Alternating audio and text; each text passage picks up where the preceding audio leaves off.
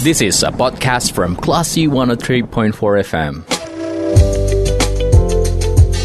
Sumbar melawan Corona, persembahan Classy FM.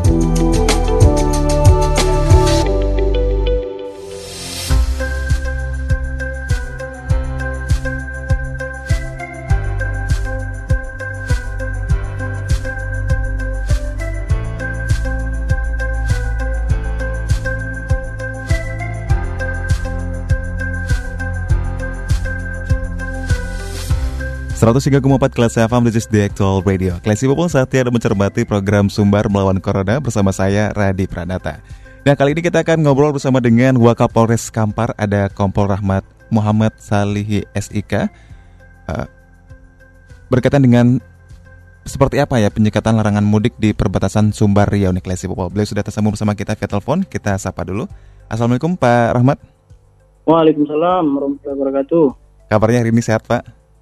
Alhamdulillah sehat. Oke, sehat alhamdulillah ya Pak ya. Nah Pak mengenai uh, mengenai perkembangan pengetatan perbatasan Sumbar Riau nih Pak, ini sudah ada peningkatan arus mudik kah hingga saat ini mungkin? Uh, untuk sekarang untuk pengetatan yang di arah Sumbar Riau yang 13 Soto Kampar mm -hmm. yang masuk wilayah uh, Kampar, yep. alhamdulillah mm -hmm. masih sepi Pak, masih sepi, tapi namun lancar. Sepinya dalam arti kata masih seperti uh, hari biasa gitu ya Pak ya? Ya betul sekali, masih seperti hari biasa. Oke. Kalau untuk pengetatan yang uh, mungkin akan dilakukan ini akan seperti apa, Pak? Akan masih bisakah untuk masuk ke wilayah Sumatera Barat atau masih bisa akan masuk ke wilayah Riau? Ah, baik Pak, kami jelaskan sedikit sesuai -hmm. dengan surat edaran dari Satgas Covid -hmm. nomor 13 tahun 2021 tentang peniadaan mudik Hari Raya Idul Fitri tahun 1442 Hijriah. -hmm. Itu dalam rangka pengendalian penyebaran corona virus COVID-19 yang mana pengetatan itu dibagi jadi tiga tahap, Pak. Oke, pertama tiga tahap, ya? tahap hmm. ya tahap pertama tanggal 22 April sampai tanggal 5 Mei itu hmm. masa pengetatan mudik, hmm. itu pra. Kemudian di tanggal 6 Mei sampai tanggal 17 Mei itu sudah masa peniadaan mudik.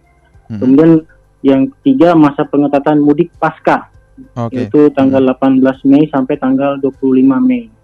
Hmm. Untuk tanggal 22 April sampai tanggal 5 5 Mei ini uh, untuk pengetatan pra masih diperbolehkan ya baik mm -hmm. itu yang masuk maupun yang keluar mm -hmm. namun harus disertai dengan uh, surat keterangan PCR atau antigen. Oke okay, pak. Uh -huh. Kemudian yang tahap kedua ini yang sama sekali tidak bisa nih pak mm, untuk okay. baik itu masuk maupun keluar mm -hmm. tanggal 6 Mei sampai tanggal 17 Mei.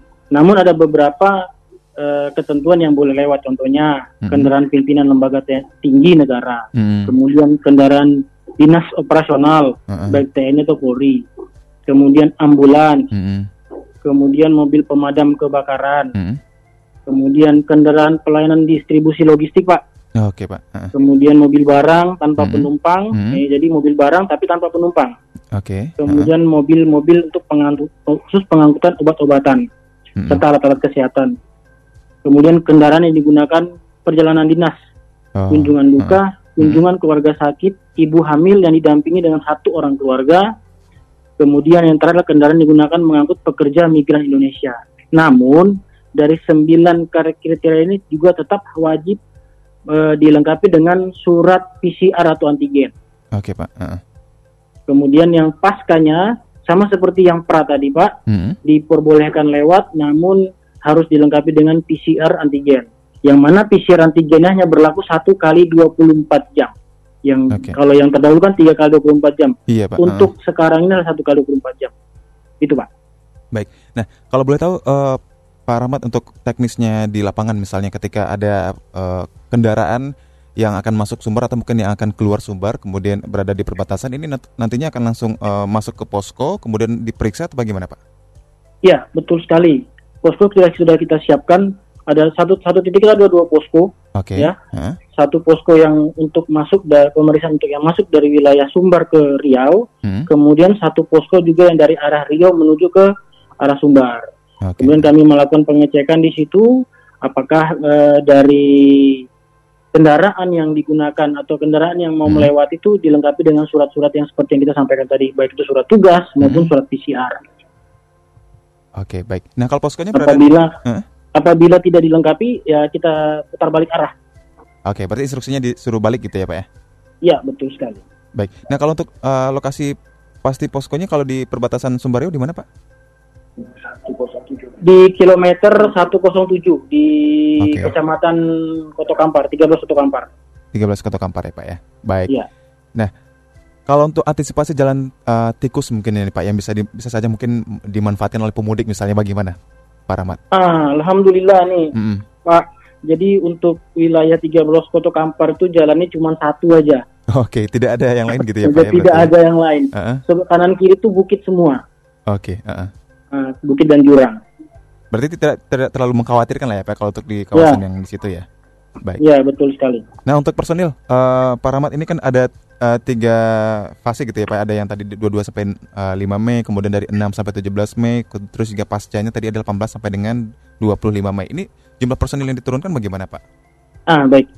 Eh, mungkin saya jelaskan dulu untuk eh, di wilayah Kabupaten Kampar ini kan kita ada membuat empat posko penyekatan. Heeh, Ya oke, kan? heeh, Satu posko penyekatan untuk antar provinsi, mm-mm, tiga posko penyekatan untuk antar kabupaten.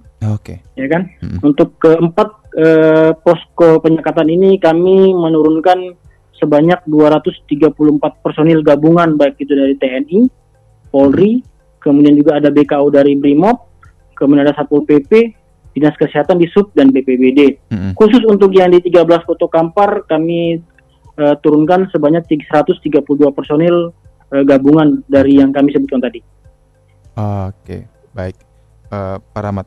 Kemudian ini kan eh, kalau dilihat di situasi sekarang, kalau tadi Pak Rahmat bilang eh, di lokasi perbatasan ya seperti normal saja gitu ya Pak ya. Nah, Iya. mungkin menjelang hari Lebaran ini Pak, eh, apakah ada semacam eh, persiapan khusus juga untuk eh, mengantisipasi lonjakan eh, pemudik yang kemudian lewat di situ Pak?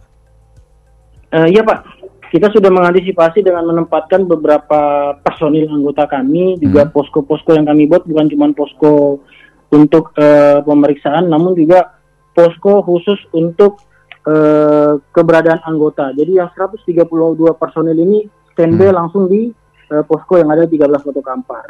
Jadi memang kita eh, 24 jam kita Oke. standbykan anggota untuk melaksanakan penyekatan eh, khusus untuk di tanggal 6 Hmm. sampai tanggal 17 Mei ini karena memang tanggal 6 sampai 17 Mei ini memang betul-betul tidak boleh sama sekali lewat Mhm. baik itu yang mau masuk Mm-mm. maupun yang keluar. Begitu, Pak. Baik. Kemudian Pak Rahmat, bagaimana dengan koordinasi eh, antar po- antar Polres nih Pak di perbatasan misalnya kayak eh, Polres Kampar dengan Polres 50 kota yang di Sumbar Pak?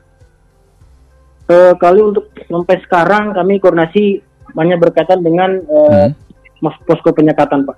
Jadi Oke. di sana bagaimana arus mudiknya.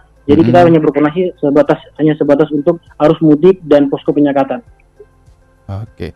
Nah, kemudian kalau untuk prediksi dari pihak kepolisian nih Pak, eh, terkait dengan puncak mudik dari Riau ke Sumbar ataupun sebaliknya itu kira-kira eh, kapan? Eh, perkiraan kami ini adalah H-3. H-3 ya Pak ya? H-3. Oke. Baik. Eh, terakhir Pak Rahmat, eh, mungkin ada semacam himbauan yang ingin disampaikan ke masyarakat Sumatera Barat yang akan nantinya melintas ke yang berencana melintas ke Riau, mungkin eh, Pak Rahmat silakan. Ah, baik. Mungkin ini himbauan untuk saya juga, keluarga saya juga, ya kan, yang ada kemudian eh, untuk masyarakat yang ada di Sumatera Barat Hmm. bahwa untuk sekarang ini kalau bisa kita mudik ditiadakan dulu, ya, Hmm, ditiadakan dulu. Karena kenapa? Untuk memutus eh, virus COVID-19 ini. Jangan sampai kita niat kita mudik untuk bertemu keluarga, malah juga kita membawa virus untuk keluarga kita. Jadi lebih baik kita di rumah pergunakan eh, teknologi yang ada, Hmm, hmm. silaturahmi bisa melalui Zoom, bisa melalui video call. Begini begitu Pak. Oke, baik. Pak Rahmat terima kasih banyak informasinya Pak. Dan selamat kembali beraktivitas. Salam buat eh, personil yang lain, Pak Rahmat. Assalamualaikum. Terima terima kasih banyak Pak. Waalaikumsalam warahmatullahi wabarakatuh.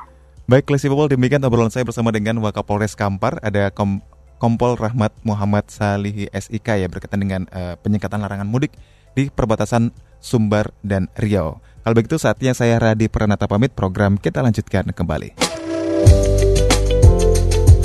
Terima kasih. Anda sudah mencermati program Sumber Melawan Corona. Cermati podcast obrolan ini di www.classfm.co.id atau download aplikasi Classy FM.